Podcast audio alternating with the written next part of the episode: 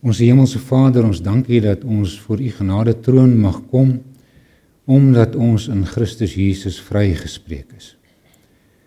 Omdat deur sy soenoffer die skeiding tussen God en mens verwyder is. En dat ons U troon mag nader met al ons versoeke, met al ons probleme, met al ons vreugdes, met al ons dankbaarheid. Ag Here, en vanoggend wil ons bid dat U ons sal lei in hierdie diens deur U Gees om te hoor wat die Gees vir die gemeente wil sê. Sal U my toerus om die woord duidelik en suiwer oor te dra? Sal U elkeen van ons se geestelike ore oopmaak, ons harte ontvanklik maak dat ons waarlik sal hoor wat U vir ons sê en dat ons van hier af sal gaan om dit toe te pas. Ons het nou net gebid oor u uitkoms wat u gegee het maandag. En ek dink so dikwels vergeet ons van die uitkoms wat u vir ons individueel gegee het. Ons vergeet die dag van ons roeping. Ons vergeet die dag wat u vir, vir ons gesê het, jy is myne. En dat ons ons harte aan u gegee het in die groot verlossingswerk wat U vir elkeen van ons wat glo gedoen het. En Here, dit is groot want ons ken onsself, ons weet hoe ons nou nog is, maar ons weet veral hoe ons was. En dat ons deur Christus bloed gereinig is van al ons ongeregtighede. Wat 'n ongelooflike voorreg. En waar ons ver oggend Here wil wil praat oor 'n uitverkore geslag wil ons vra dat U ons sal help om dit te verstaan en ter harte te neem en te lewe soos 'n uitverkore geslag sodat U naam groot gemaak en verheerlik mag word. Ons vra dit in Jesus naam. Amen. Uh, broers en susters, uh, ons wil uit 1 Petrus 2 preek vanoggend Maar dit is baie moeilik. Jy weet dat uh normaalweg as jy 'n brief sou kry, dan sal jy hom nie in die middel begin lees nie. Jy sal maar by die begin begin. Nou weet ek as ek vir jou sê jy moet die brief van Romeine vandag gaan lees, dan vra ek nou 'n bietjie te veel. Maar ek kan vra, gaan lees asseblief die brief van Petrus. Dit is kort, baie kort. Maar uh jy verstaan wat ek sê, dit jy begin in die middel van 'n ding en dan verloor jy dalk iets wat vooraf gaan en jy moet die konteks net 'n bietjie reg kry. So alhoewel ons uit 1 Petrus 2 preek, moet ek nou net eers 1 Petrus 1 ook gou-gou deurpreek dat almal net by is. OK. ek wil net sê oor die brief. Dis 'n interessante opskrif, né? Meeste van die briewe uh, in die Nuwe Testament het nie so 'n gedetailleerde opskrif nie, maar hier skryf Petrus uh die brief aan die vreemdelinge, dis nou hoofstuk 1 in die diaspora of die verstrooiing in Pontus, Galasië, Kappadosie, Asië en Bitinië. Dis nou vyf plekke soort van uh stad state van daai dae wat almal onder Romeinse beheer was. En daai gebied stem min of meer ooreen met ons met wat ons as Turkye ken vandag. Nou uit wat ons in die aanhef van die brief self lees, kan 'n mens sien Paulus skryf hierso in beginsel vir twee verskillende soorte mense, nê. Nee. In die eerste plek skryf hy vir die in die diaspora, die verstrooides. Dit verwys spesifiek na die Jode. En die Jode was verstrooi oor die hele destydse bekende wêreld soos wat hulle vandag nog is. Uh, dit was glad nie 'n vreemde verskynsel nie. Daar was Joodse gemeenskappe reg deur die bekende wêreld van daai tyd. Uh Handelinge praat daarvan, Paulus se briewe praat daarvan. Uh en buiten dit is die geskiedenis vol daarvan. So daar was daai groep die Jode wat verstrooi was. Maar dan was en wat nou tot bekering gekom het, nê, nee, want hulle is nou gelowig is. Maar dan was daar ook skryf Paulus die vreemdelinge. Dit is met ander woorde mense wat uit die heidendom tot bekering gekom het. En die vorm nou die gelowiges daar in Klein-Asië. So dis aan hulle wat Paulus skryf. Ah, ekskuus. Julle moet nou maar die regstelling in julle koppe maak. As ek sê Paulus en ek bedoel Petrus, dan moet julle Petrus dink. Maar as ek sê Paulus en ek bedoel Paulus, dan moet julle Paulus dink. OK. Ehm um, Nou die interessante is ek weet nou nie hoe hoe akkuraat hierdie inligting is nie, maar dit dit lyk as 'n mens na die die geskiedenisboeke kyk dat hierdie mense wat in verstrooiing was en dan ook veral die Christene in die Romeinse ryk het nie sommer maklik burgerskap gekry nie. In daai sin was hulle bywoners wat ook in die teks vir ons gegee word, bywoners. Hulle het nie maklik burgerskap gekry as Romeine nie. Uh, Paulus was 'n uitsondering wat ons van weet as 'n Jood wat ook 'n Romeinse burger was. Maar die feit dat hulle nie burgerskap gehad het nie, het dit hulle met ander woorde uitgesluit van burgerlike voorregte in die algemeen. Hulle kon nie stem nie. Hulle kon nie eiendom besit nie. Hulle kon huur en so aan. So as 'n klomp beperkings op hulle. En dit het natuurlik hulle lewe bietjie moeiliker gemaak as die ou wat 'n burger was. En ons ken dit tog, is dit nie ons uh meen as ek so deur die gemeente kyk, is 'n klomp van julle dit beter ken as ek. Ons kinders en ons broers en susters en ooms en tannies wat emigreer, hulle kom aan die ander kant aan en hulle het nie burgerskap nie. Hulle het sekere voorregte, hulle het 'n werkspermit en hulle mag eiendom huur en sulke goederes, maar om daar bly vir 'n tyd voordat hulle mag burgerskap kry en kwalifiseer vir burgerskap. En Paulus, ag Petrus, ekskuus, baie bewus hiervan En uh uh daarom noem hy dit ook hulle want hy kom later by 'n ander soort burgerskap. Ander interessante ding van die boek van Petrus, die briewe van Petrus, is die geweldig baie aanhalinge uit die Ou Testament. Uh een van die afleidings wat 'n mens daaruit kan maak is dat 'n groot deel van sy gehoor het 'n Joodse agtergrond gehad. Was nie noodwendig Jode nie, maar het die Joodse godsdiens geken en verstaan en het baie van hierdie aanhalinge geken. Dit was deel van hulle katekisasie, was deel van hulle lewe. Nog 'n ander aspek is van die hooftemas van Petrus is dat ekskuus. Petrus skryf hierdie briewe om die mense te bemoedig. Hulle word nie op daai stadium vervolg volgens die geskiedenisboeke nie. Hulle word net 'n bietjie onderdruk. Ons doen nie besigheid met jou nie want jy's 'n Christen. Jy word nie toegelaat in hierdie teater nie want jy's 'n Christen. Jou kinders kan nie na ons skool toe kom nie want jy's 'n Christen. Jy verstaan wat ek sê. Nou bemoedig eh, Petrus hulle en sê uh wees sterk. Die Here is by jou. Moenie bang wees nie. So dis die eerste deel is om mense te bemoedig. Die tweede deel van die belangrike element of tema van sy briewe is om vir mense te sê die wat nou tot geloof gekom het in Christus, het sy 'n Jood of 'n heiden was, maak nie saak van waar jy kom nie, het nou deel aan die koninkryk van God. Jy is nou 'n burger van die nuwe Israel.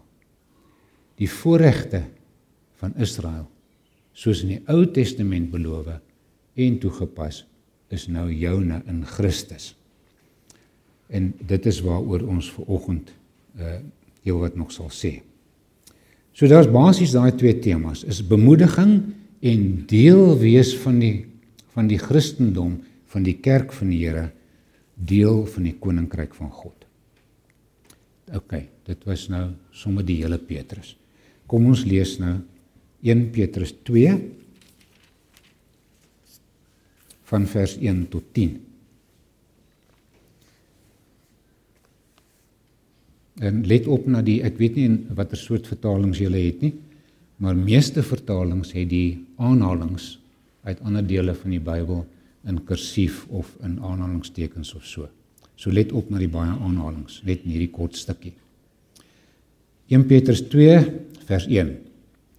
Lê daarom alles wat sleg is en alle bedrog en gefeinsheid en jaloesie en alle geskinder af en smag soos pasgebore babatjies na die suiwer geestelike melk sodat jy daardeur kan groei met die oog op jou verlossing nou dat jy die goedheid van die Here gesmaak het. Uh jy weet daai manne het baie mooi gewerk met woorde, né? Kyk net die woordspeling hierso. Die melk, né? Wat jy smag na die suiwer geestelike melk en dan Here die goedheid van die Here gesmaak. Interessant is dit nie? Kom na hom toe, die lewende klip wat wel deur mense afgekeur is, maar voor God uitverkore en vir hom kosbaar is. En laat julle as lewende klippe opbou tot 'n geestelike huis, 'n heilige priesterdom om geestelike offers te bring wat deur Jesus Christus vir God aanneemlik is. Daar staan immers in die skrif: Kyk, ek sit in Sion 'n klip neer, 'n hoeksteen uitverkore en kosbaar. Maar wie in hom glo en vervang maar daardie maar daar met 'n en uh 9 uit 10 vertalings sê en wie in hom glo sal verseker nie beskaamd staan nie.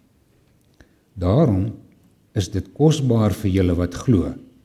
Maar vir ongelowiges geld Juis die klip wat die bouers afgekeur het, het die hoeksteen geword. En 'n klip waaroor 'n mens kan struikel. Ja, 'n rots wat jou kan laat val.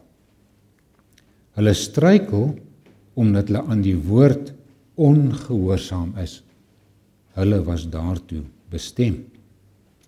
En nou ons teksverse, julle egter is 'n uitverkore geslag 'n koninklike priesterdom, 'n heilige nasie, 'n volk wat aan God behoort, sodat julle die deugde kan verkondig van hom wat julle uit die duisternis geroep het na sy wonderlike lig.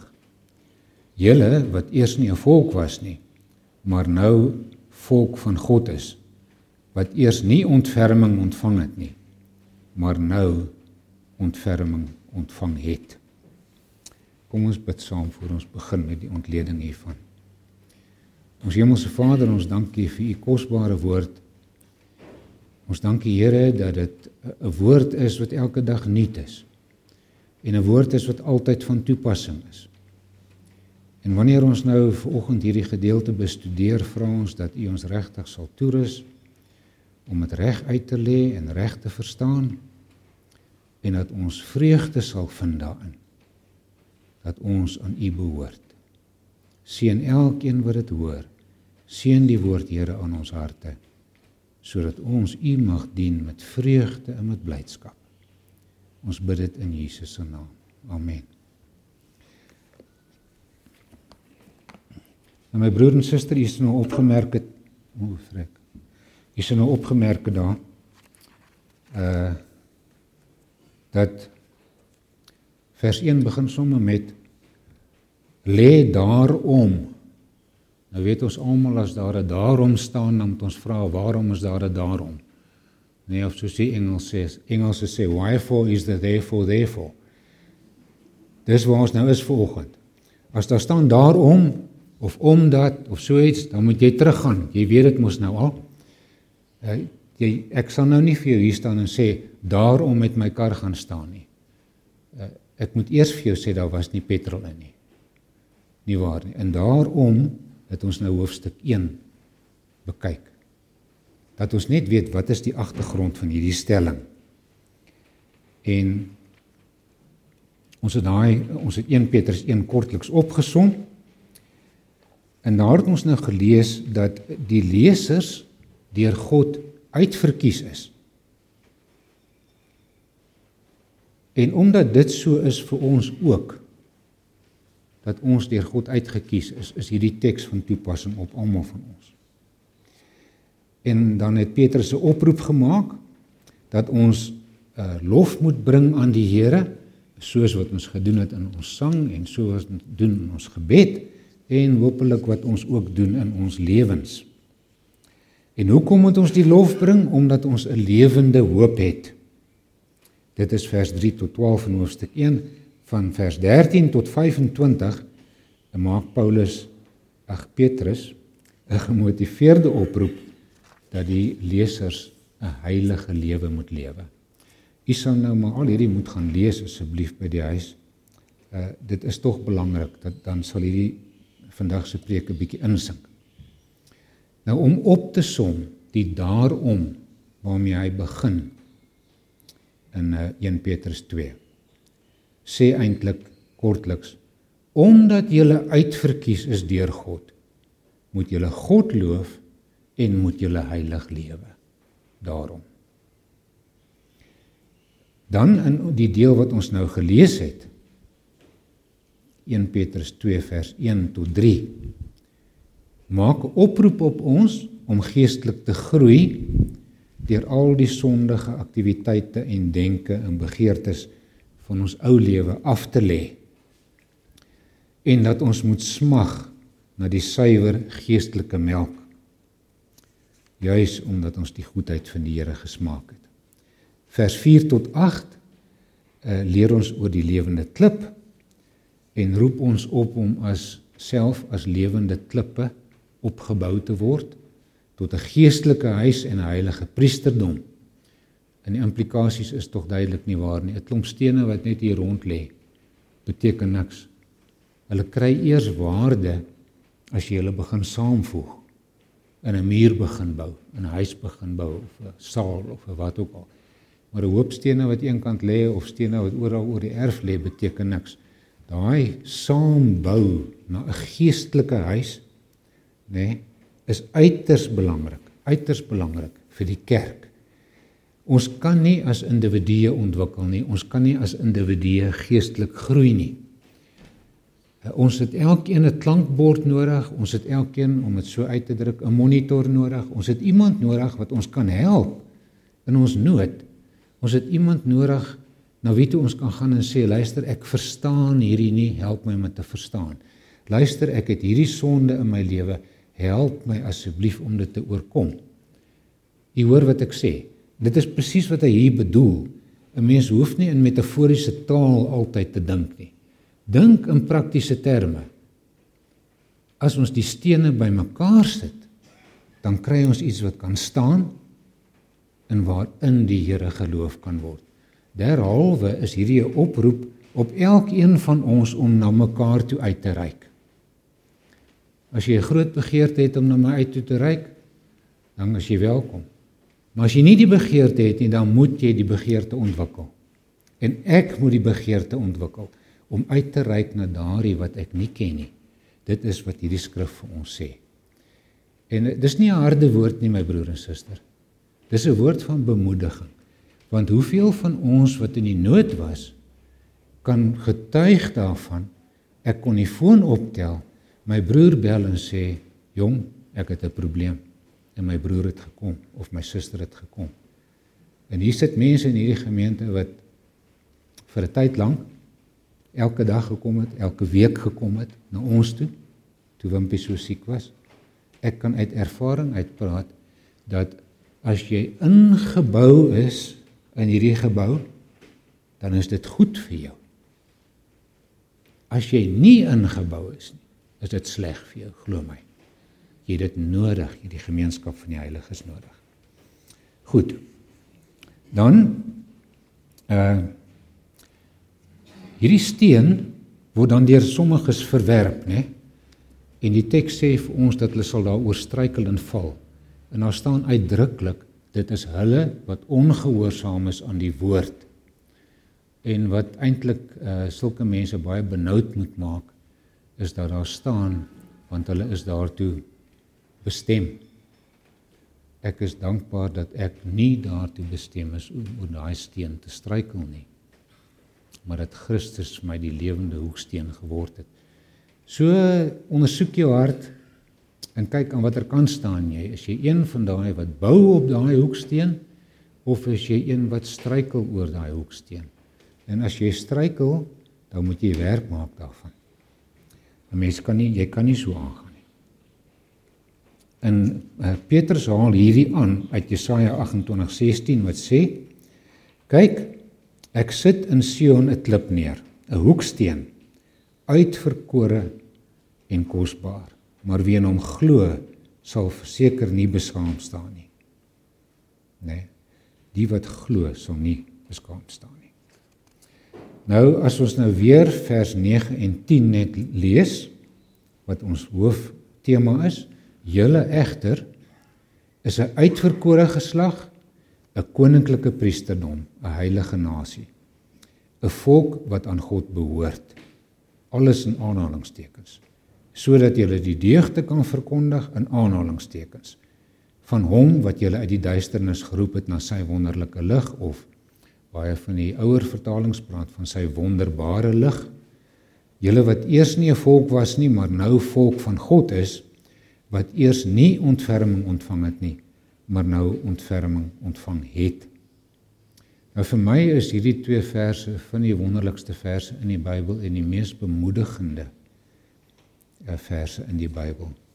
Want dit sê vir my dat Ons wat in die duisternis was, omdat ek nou nie namens julle praat nie, ek wat in die duisternis was, is geroep. Ek is uitverkore.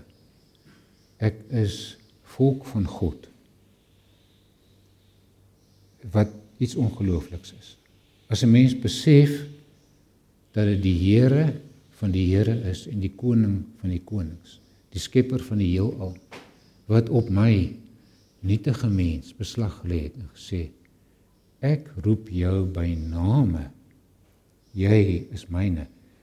Dink as Jesaja wat sê of Jeremia jou naam is in my handpalm geskryf getatoeëer. Dit gaan nie weg nie. Ek behoort aan die Here. En dit is wat Petrus hier wil bevestig aan hierdie mense. Hy sê julle kry swaar dis moeilike wêreld maar julle behoort aan die Here. En ons gaan nou 'n bietjie in meer detail daarna kyk. Uh wat my veral aangryp is dat ek weet dat ek geen rol in my redding gespeel het nie. Niks. Die Here het my geroep. Die Here het my geloof gegee. Die Here het my gewys wie ek is. My gewys waarheen ek op pad is en hy het my die beter weg gewys. Deur Christus Jesus is ek verlos ten spyte van myself. En u moet dit onthou, dit is wat Petrus ook hier vir hulle sê. Nie in soveel woorde nie, maar hy sê wat uit die sondige verlede geroep is. Dis God wat roep. En dit is wat hy probeer die mense mee bemoedig om te sê wees sterk dit is die Here wat jou geroep het. As ons nou kyk na die aanhalings, was nie minder as 5 nie in vers 9. Dan kan 'n mens nou verstaan wat Petrus hier doen. Hy bou 'n brug tussen die Ou Testamentiese kennis van die mense en die nuwe genade verbond. En wat hy eintlik sê is daardie goed wat daar gesê is in die Ou Testament is nou van toepassing op jou geredde persoon op julle gemeente van die Here. Julle is die nuwe Israel. Daardie dinge wat die Here daar beloof het waar geword in Christus en derhalwe vir die wat glo in julle. Ons is deur die weerde wedergeboorte opnuut verwek soos hy in hoofstuk 1 geskryf het. Ons is weergebore, ons is opnuut verwek. Hoekom? Sodat ons 'n lewende hoop mag hê 'n erfenis wat nooit vergaan, besmet word of verwelk nie en wat in die hemele vir ons in bewaring gehou word. Nou ek het hierso 'n nota gemaak wat ek nou sommer maar vir julle sal lees. Dis nie deel van die preek nie. Dat ek in die versoeking is om die hele hoofstuk 1 nou vir julle te lees. Maar ek gaan nie. Julle moet dit by die huis gaan doen asseblief. Huiswerk. Uh maar dit is belangrik want in hoofstuk 1 vers 9 sê Petrus dat ons reeds deel het aan die doel van ons geloof naamlik die redding van ons siele en dat ons met onuitspreeklike en heerlike blydskap hieroor moet jubel. Die vyf aanhalings eh, sien ons nou begin met julle is egter. Nou ja, nou is ons weer waar ons begin het. Egter wat? Egter is nou weer een van daai woorde wat sê hier's 'n kontras hierso in wat hy gesê het en wat hy nou sê. En wat is daai kontras? Kom ons kyk na daai kontras. Uh dit volg direk is vers 9 nê of vers 7 en 8 waar hy praat oor die ongelowiges wat oor die klip sal struikel. En dan sê hy maar julle is egter. So u sien. Hy sê ons is nie van daai groep nie. Ons is anders as daai groep wat oor die klip gaan struikel. Ons is egter anders. So. Uh ons is mense wat ons vertroue in Christus gestel het. Ons is mense wat die soenverdienste van Christus verstaan en aanvaar het. Ons is mense wat 'n toekomsverwagting het van heerlikheid saam met Christus. So al is ons in die verstrooiing en dan al, al is hierdie hoorders of die ontvangers van die brief in die verstrooiing en vreemdelinge en bywoners is ons 'n uitverkore geslag. Nie deur mense uitgekies nie, maar deur God uitgekies vir die redding van ons siele. Julle is nie soos die vir wie Christus 'n steen des aanstoots is nie. En dan beskryf hy in sy aanhalings hoe die Christen lyk of behoort te lyk. So die eerste aanhaling, julle is 'n uitverkore geslag. Duidelik is Petrus hier nou besig om Ou Testamentiese waarheid te deel en hy wil sodoende sy sy lesers bemoedig en verseker dat die, die God wat die uitsprake van die Ou Testament gemaak het, dieselfde God is wat hulle nou dien en dat sy woord ewig en vas is, onveranderlik. En dan bemoedig hy hulle met aanhalings kort stukkies Maar in hulle volledigheid is hierdie eerste aanhaling uit Jesaja 41 vers 8 en 9 wat ek vir julle lees. Uh al my aanhalings net terloops kom uit die 1953 vertaling, nie omdat ek dink is 'n beter vertaling nie, net omdat ek dit beter ken. Dit makliker val op my oor. Maar jy Israel, my dienskneg Jakob, wat ek uitget kies het. Ons is 'n uitverkore geslag wat ek uitget kies het nakomeling van Abraham my vriend jy die een wat ek gegryp het van die eindes van die aarde af wat ek van sy verste dele af geroep het vir jou het ek gesê jy is my dienskneg ek het jou uitgekies. Jou nie verwerp nie. Moenie bang wees nie. Ek is by jou. Moenie vrees nie want ek is jou God. Ek versterk jou, ook help ek en ondersteun ek jou met my seëvierende regterhand. Die gelowiges in die verstrooiing, die mense wat hiervan gepraat word in die aanhaling uit Jesaja van die eindes van die aarde, het nou dat hulle tot geloof in Christus gekom het, die status as burgers van die koninkryk van God. En daai status is 'n onvervreembare reg wat deur Jesus vir ons bewerkstellig is. Hierdie burgerskap word onmiddellik aan jou toegeken wanneer jy tot geloof kom. Daar's nie wagtydperke nie. Ek dink as jy 5 jaar moes wag om toegelaat te word, dan sou jy maar moedeloos geraak. Maar die Here werk nie so nie. Wanneer jy tot geloof in hom kom, het, het jy toegang onmiddellik, jy het burgerskap. So jy word onmiddellik deel van die nuwe Israel. En jy word deel van die uitverkore verslag, geslag waarvan hy praat.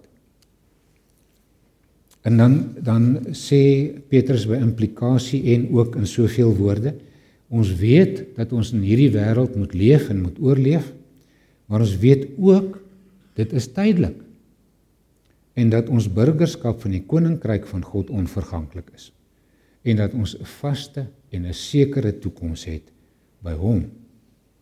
En ons het vertroue in ons in die lewende klip geplaas sodat ons in die ewigheid by Christus kan wees.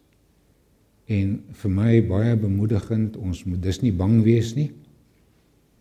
Is my altyd bemoedigend. Ek kan nie onthou hoeveel keer dit is nie, miskien weet iemand, maar Ek het een keer net opgekyk hoeveel keer staan daar in die Bybel moenie bang wees nie. Dis baie keer. Ek, ek ek het nou ongelukkig die syfer vergeet. Maar dit dis aangrypend dat baie van die goed wat die Here veral in die Ou Testament sê, nê, waar hy straf aankondig en sulke goed, Teen die tyd wat hy by Israel kom en sê, "Maar moenie bang wees nie." En hy sê vir ons, "Moenie bang wees vir hierdie wêreld nie." Dit beteken nie wees vol bravade, dink jy kan enigiets doen en alles doen nie. Dit beteken moenie vrees vir hulle wat iets aan die liggaam kan doen nie. Jy ken daai teks. Dit beteken stel jou vertroue in die Here. En hierdie uitverkorenheid is mense wat hart en siel aan die Here behoort. En dis wat Petrus vir die vir die lesers daai kan sê, julle behoort nou aan die Here. En julle sondes is julle vergewe, julle is vrygespreek. En ek dink dit sou vir daardie hoorders baie bemoedigend gewees het want hulle was 'n minderheid waar hulle gebly het, hulle het min regte gehad, hulle het maar 'n bietjie onderdruk gewees, minderwaardig gevoel sekerlik en hierdie bemoediging dat hulle 'n uitverkore geslag is wat aan die Here behoort, moes vir hulle baie beteken. En dan net nog 'n interessante opmerking wat ek wil maak. Kyk, ek het nou probeer fokus op wat die Ou Testament sê oor hierdie teks.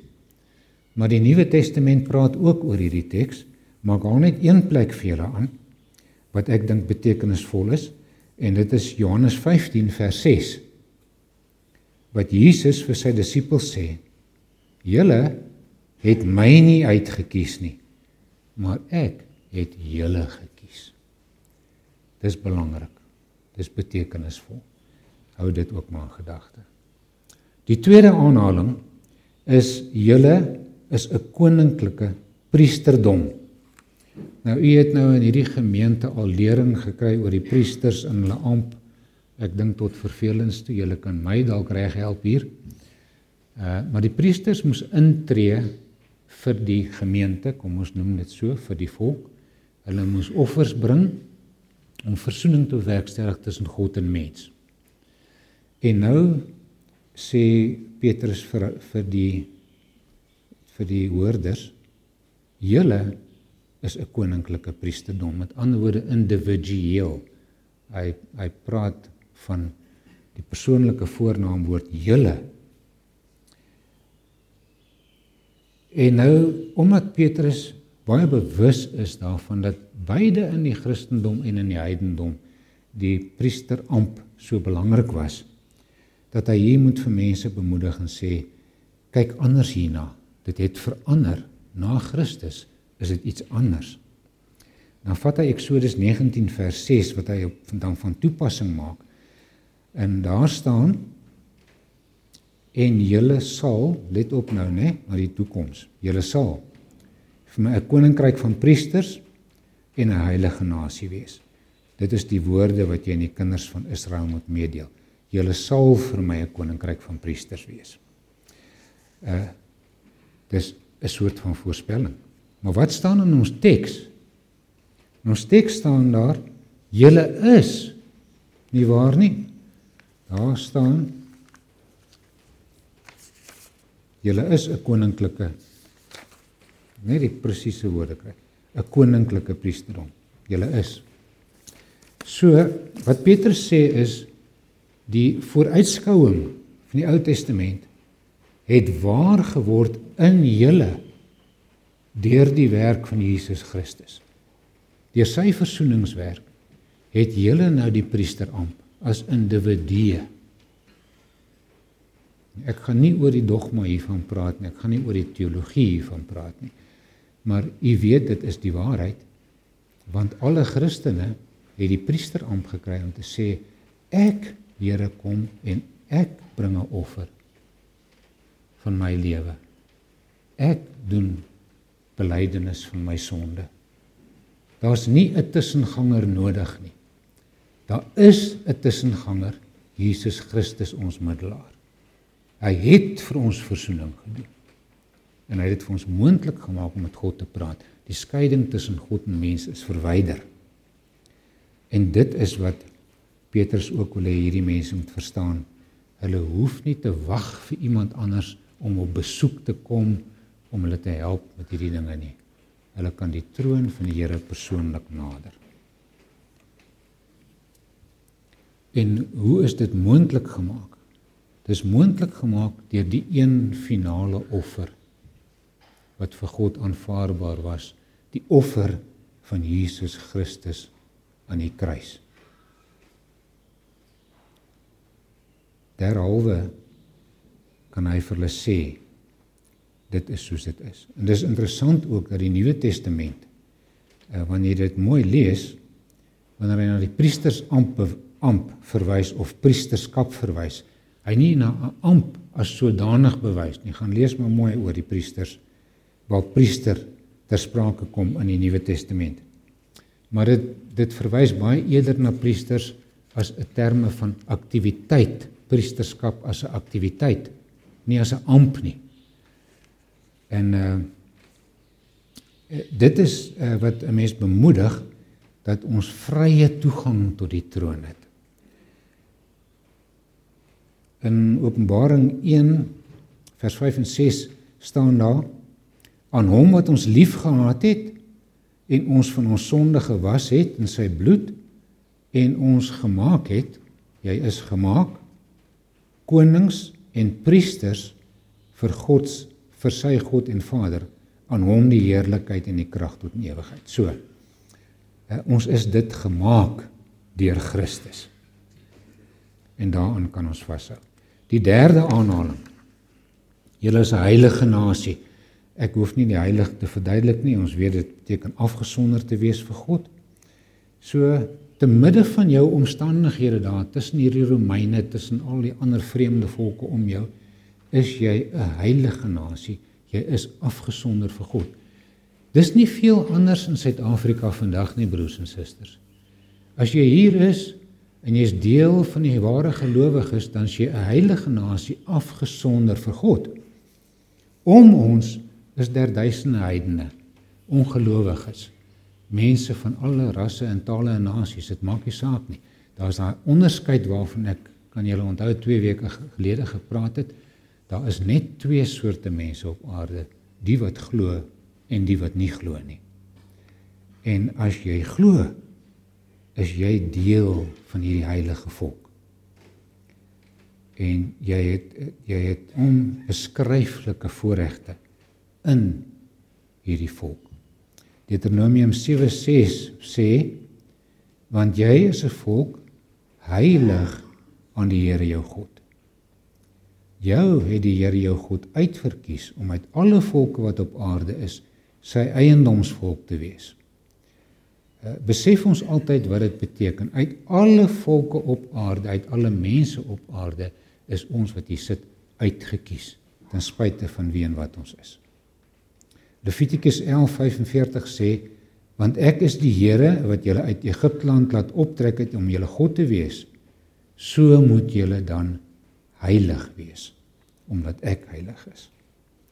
So Petrus sê al is ons vreemdelinge in 'n vreemde land moet ons bewus wees dat ons in 'n nuwe volk saamgesnoer is wat bestaan uit 'n volk wat kom uit elke stam en taal en nasie. Ons is anders. Ons is uniek. Maar ons is saamgesnoer in die Here. En ons moet daardeur bemoedig word. Ons is 'n heilige volk, ons is 'n afgesonderde volk. En dit beteken nie afgesonder van alles wat bestaan nie. Dit beteken afgesonder in die sin van toewyding aan hom. Uh jy mag rugby kyk. Jy mag veerpyltjies speel uh ek mag snoeker speel.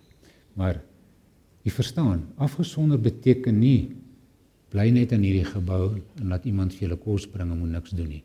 Dit beteken om heilig te lewe, om die regte ingesteldheid te hê teenoor die lewe. Geniet wat die Here jou gee om te geniet. Doen dit matig en met verstandigheid en daar is niks meer verkeerd nie. Maar afgesonder beteken nie onttrek jou van die wêreld nie. Dit is sinneloos. Dan sê hy julle is 'n volk wat aan God behoort, dis die vierde aanhaling.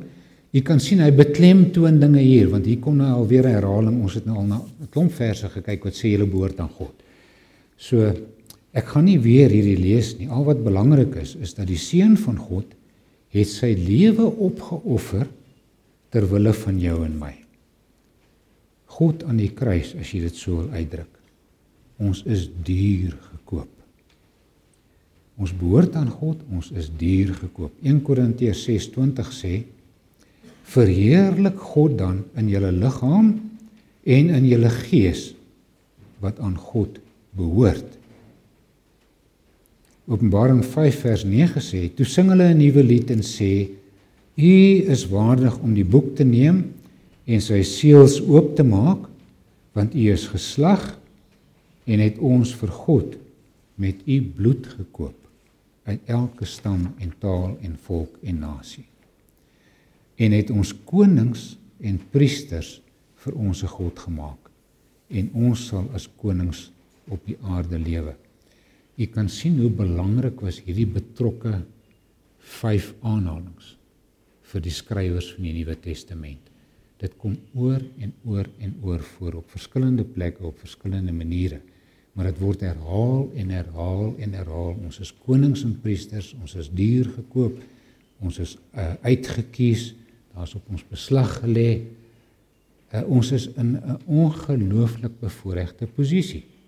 En ek wil hê jy moet dit verstaan uh, as jy 'n kind van die Here is, dan is jy 'n kind van hom wat alles wat jy ooit gesien het en wat jy ooit sal sien geskep en gemaak het, wat alles in stand hou, wat die balans van die heelal beheer, wat elke dag se geskiedenis beheer. Ehm uh, ek kan my nie voorstel hoe dit moet wees om in sy huis te wees nie. Jy weet ek ek weet nie wie van julle het The King and I gesien nie net die ouer mense.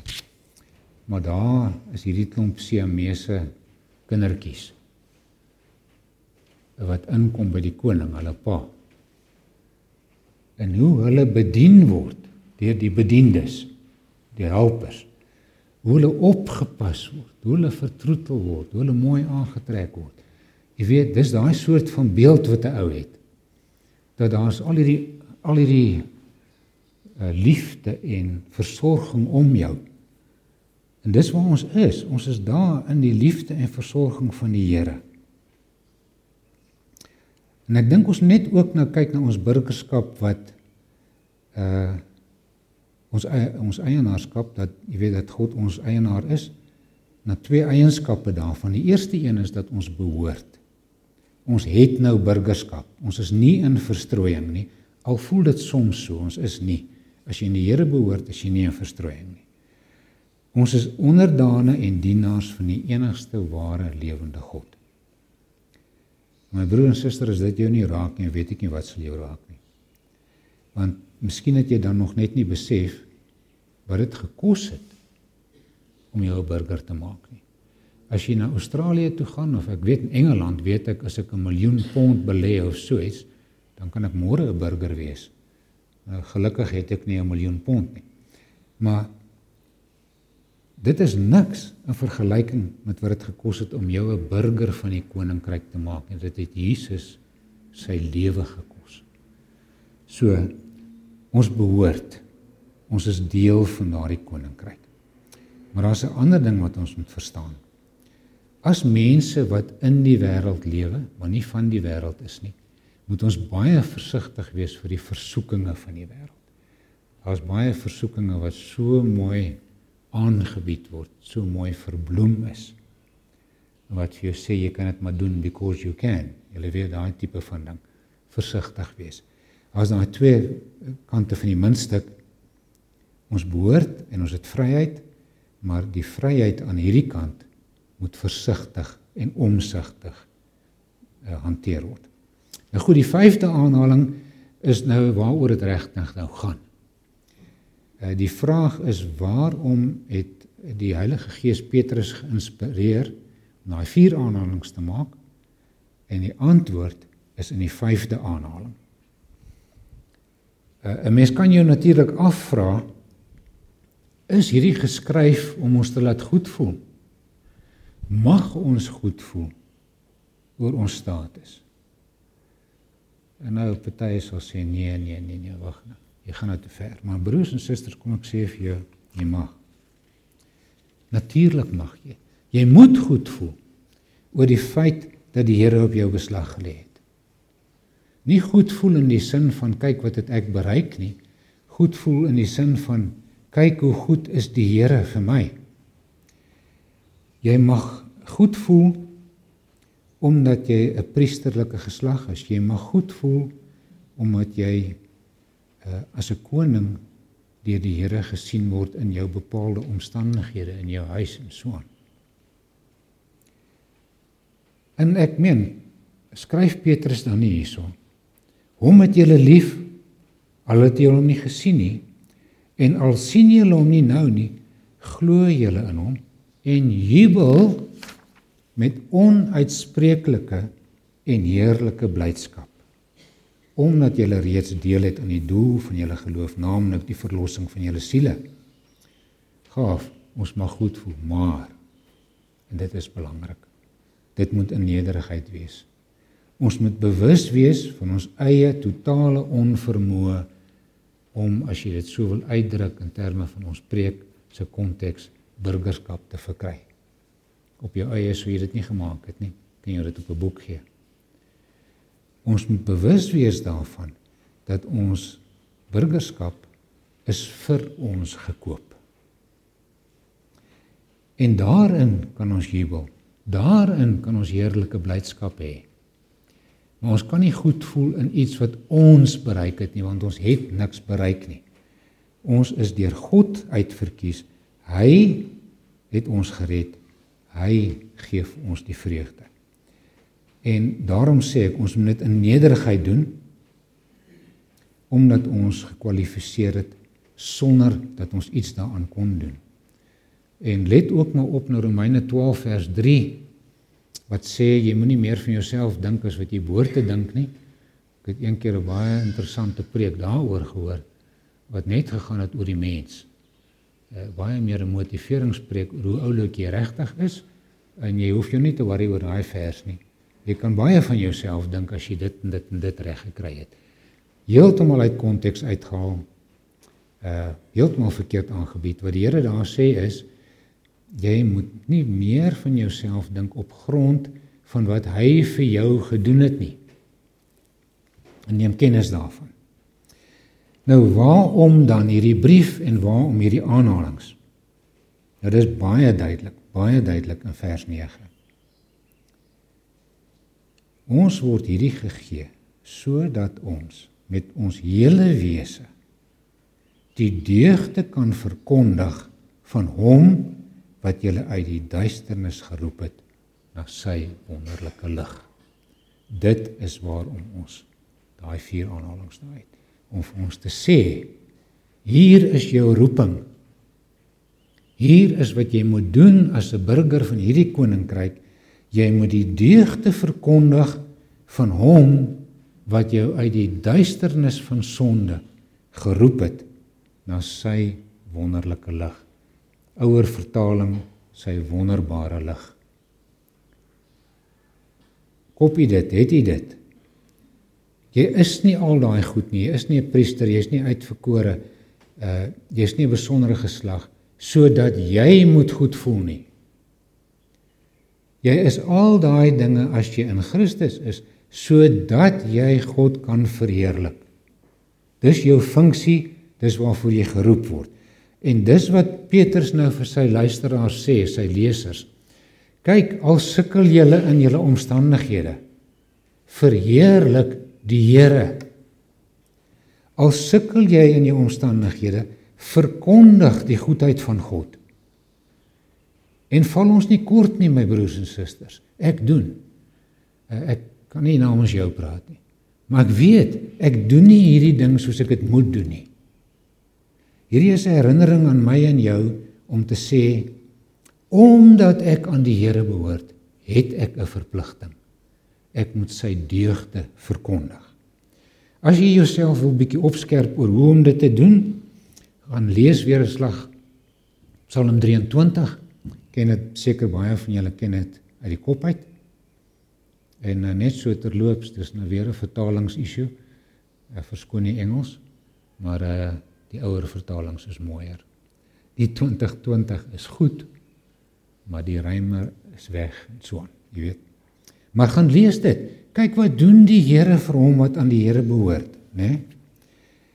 Die Ou Testament is vol van die deugde van die Here, soos ook die Nuwe Testament.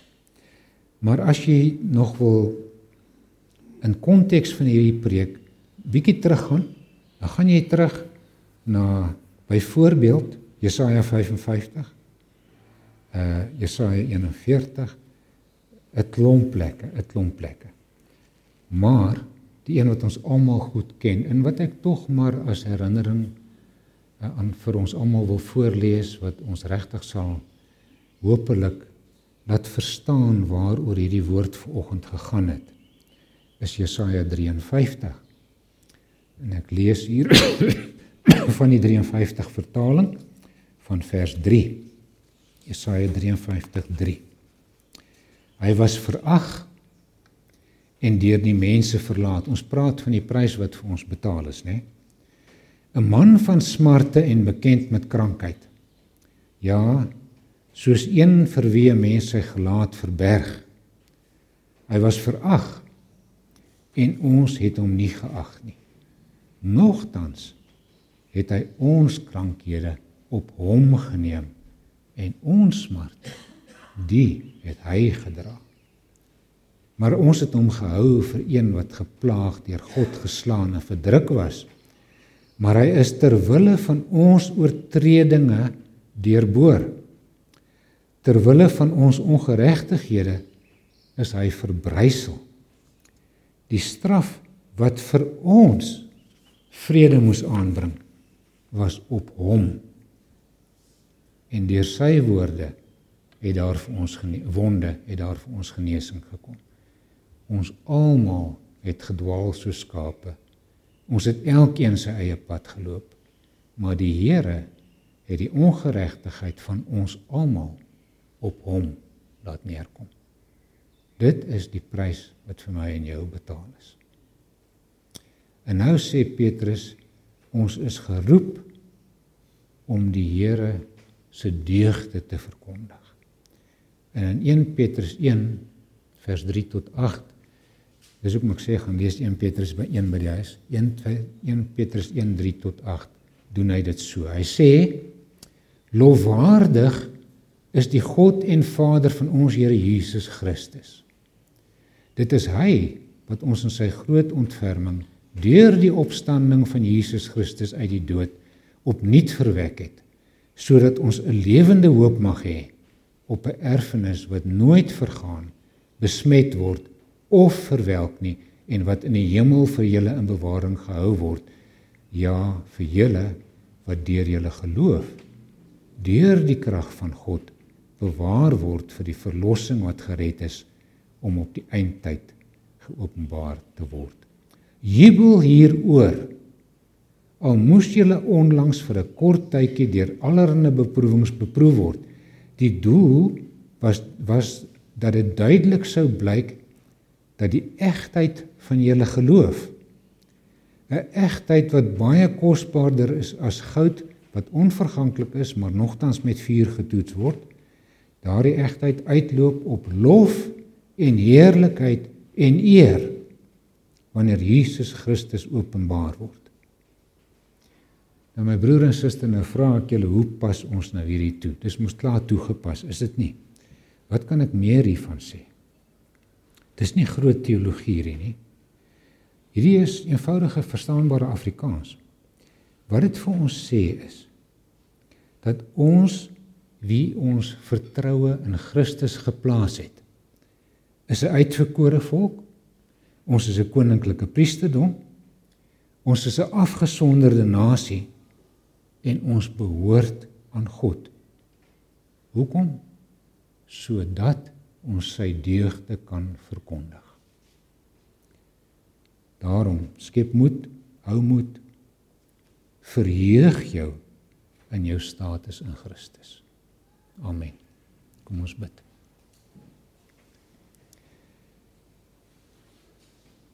Ons Hemelse Vader, dit is so 'n groot voorreg om aan U te behoort dat ons dit moeilik vind om dit onder woorde te bring ons woorde van uitverkore volk, van besondere mense, van eiendomsvolk van God. Al hierdie woorde voel vir ons of 'n tekort skiet want ons voel in ons gees u warm hand op ons. Ons voel die liefde wat ons omring en ons besef ons kan nooit in woorde uitdruk hoe ongelooflik bevoorreg is ons nie. Dat u in u goedheid u seun in ons plek, in my plek gegee het sodat ek aan u mag behoort. En Here wil u ons hiermee vul, wil u ons hiermee vul dat ons 'n onuitspreeklike vreugde sal hê in die feit dat Jesus die Here is. In die feit dat die wat in hom glo volkomme vryheid geniet. In die feit dat ons tot u troon mag nader net soos ons is. Here, ons is so bevoorreg.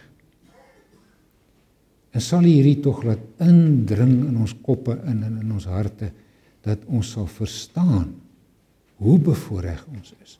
Dat ons sal waardeer hoe bevoorreg ons is. Dat ons sal lewe soos bevoorregte mense en U deugde sal verkondig.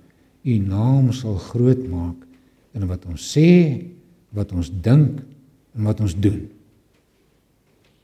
dat u naam geheilig word in alles.